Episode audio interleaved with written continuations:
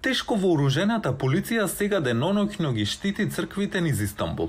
Тоа уследи поминато месечниот смртоносен напад од двајца вооружени мажи врз католичка црква во Истанбул.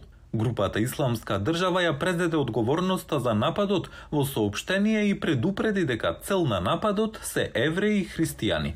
Малата христијанска заедница во Истанбул сега живее во сенка на насилство, но останува прекосна. İlah cemaat olmak gerekmiyor bu iş için. Не мора да бидете член на заедницата за да бидете исплашени од овој напад. Тоа е нешто што сите би се плашеле. Бевме исплашени, но верувајте ми никогаш не се двумевме да дојдеме до нашата црква и да се поклониме и да му се помолиме на Бога. Турските безбедносни сили се ангажирани во акција против групата Исламска држава.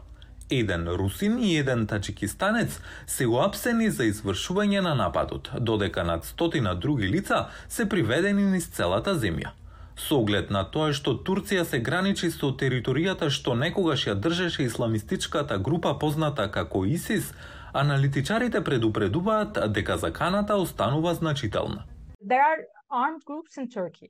Во Турција има вооружени групи, она што останало и од ИСИС од сириската војна.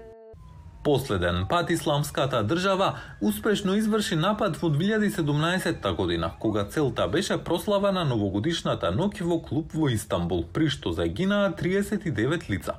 Аналитичарите предупредуваат дека безбедносните сили се вклучени во смртоносна игра со исламската држава со неодамнешниот напад на црквата во Истанбул. This is a mutual competition between the force, security forces and also terrorist cells. Ова е меѓусебен надпревар меѓу безбедносните сили и терористички кели. Двете страни ќе се обидат да се идентификуваат или да се измамат.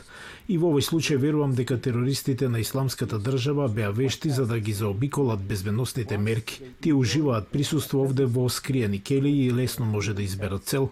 Со оглед на тоа што на турската профитабилна туристичка сезона и остануваат само неколку месеци која со себе носи дополнителни потенцијални цели за исламската држава, се предвидува дека безбедносните мерки ќе се интензивираат заедно со заштитата на црквите во Истанбул.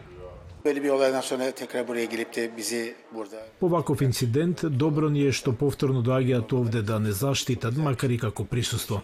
Ние сме благодарни за ова. Посакувам да нема такви работи. Сите да живеат заедно како браќа и сестри. Се чини дека на христијаните во Турција им е судено да продолжат да служат под полициска заштита, додека безбедносните сили продолжуваат да се борат против исламската држава.